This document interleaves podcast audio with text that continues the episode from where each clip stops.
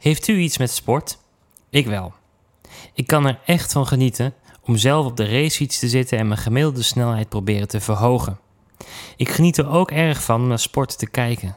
Zo'n zomer met een Tour de France, Wimbledon, soms zelfs een EK of een WK of Olympische Spelen. Heerlijk. Ik vind het mooie momenten, zeker als Nederlanders het goed doen. Als Daphne Schippers de, wereldtitel binnenhaalt op de 200 meter. Wat mij het meeste boeit aan sport zijn de mensen, de atleten en de coaches. Ik let, zonder dat altijd heel bewust te doen trouwens, meestal op dingen als hun mentaliteit, hun karakter en hoe de coach hen begeleidt naar topprestaties.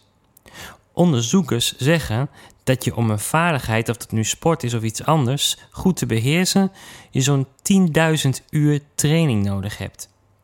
10.000 uur. Even snel rekenen. Met een werkdag van 8 uur is dat dus 1250 dagen, 5 dagen per week, 250 weken. En als je dan 2 weken vakantie neemt, is dat weer 5 jaar. 5 jaar kost het dus al gauw om iets echt te leren. En dan moet je er fulltime mee bezig zijn. Het valt me op dat sporters in de interviews na het winnen van een etappe of een medaille vooral ook veel spreken over wat ze hebben gelaten om hun droom te bereiken. Het laten zal ook wel moeilijker geweest zijn misschien dan het trainen op zich. Maar het is klaarblijkelijk zo belangrijk om gefocust te blijven op wat je wilt bereiken.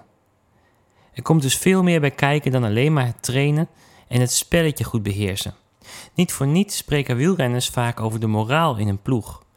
En was Louis van Gaal ook erg bezig met de sfeer in de groep en hoe individuele spelers zich voelden toen hij Nederland naar een derde plaats op het WK coachte.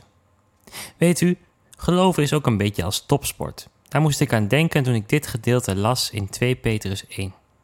Span daarom al uw krachten in om uw geloof te verrijken met deugdzaamheid, uw deugdzaamheid met kennis, uw kennis met zelfbeheersing, uw zelfbeheersing met volharding, uw volharding met vroomheid, uw vroomheid met liefde voor uw broeders en zusters en uw liefde voor broeders en zusters met liefde voor allen. Geloven kost veel inspanning.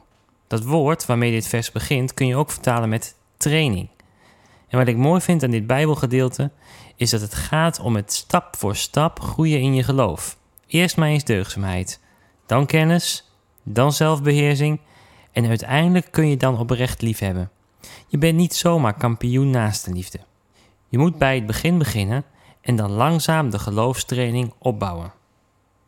We kunnen soms nog zulke aardige dingen doen voor het oog, maar dan heeft het meer iets van die amateur die een kwartiertje voorop mag lopen bij de WK Marathon, maar die de race niet uitloopt. Nee, om de race van het geloof te winnen moet je veel trainen en gefocust blijven.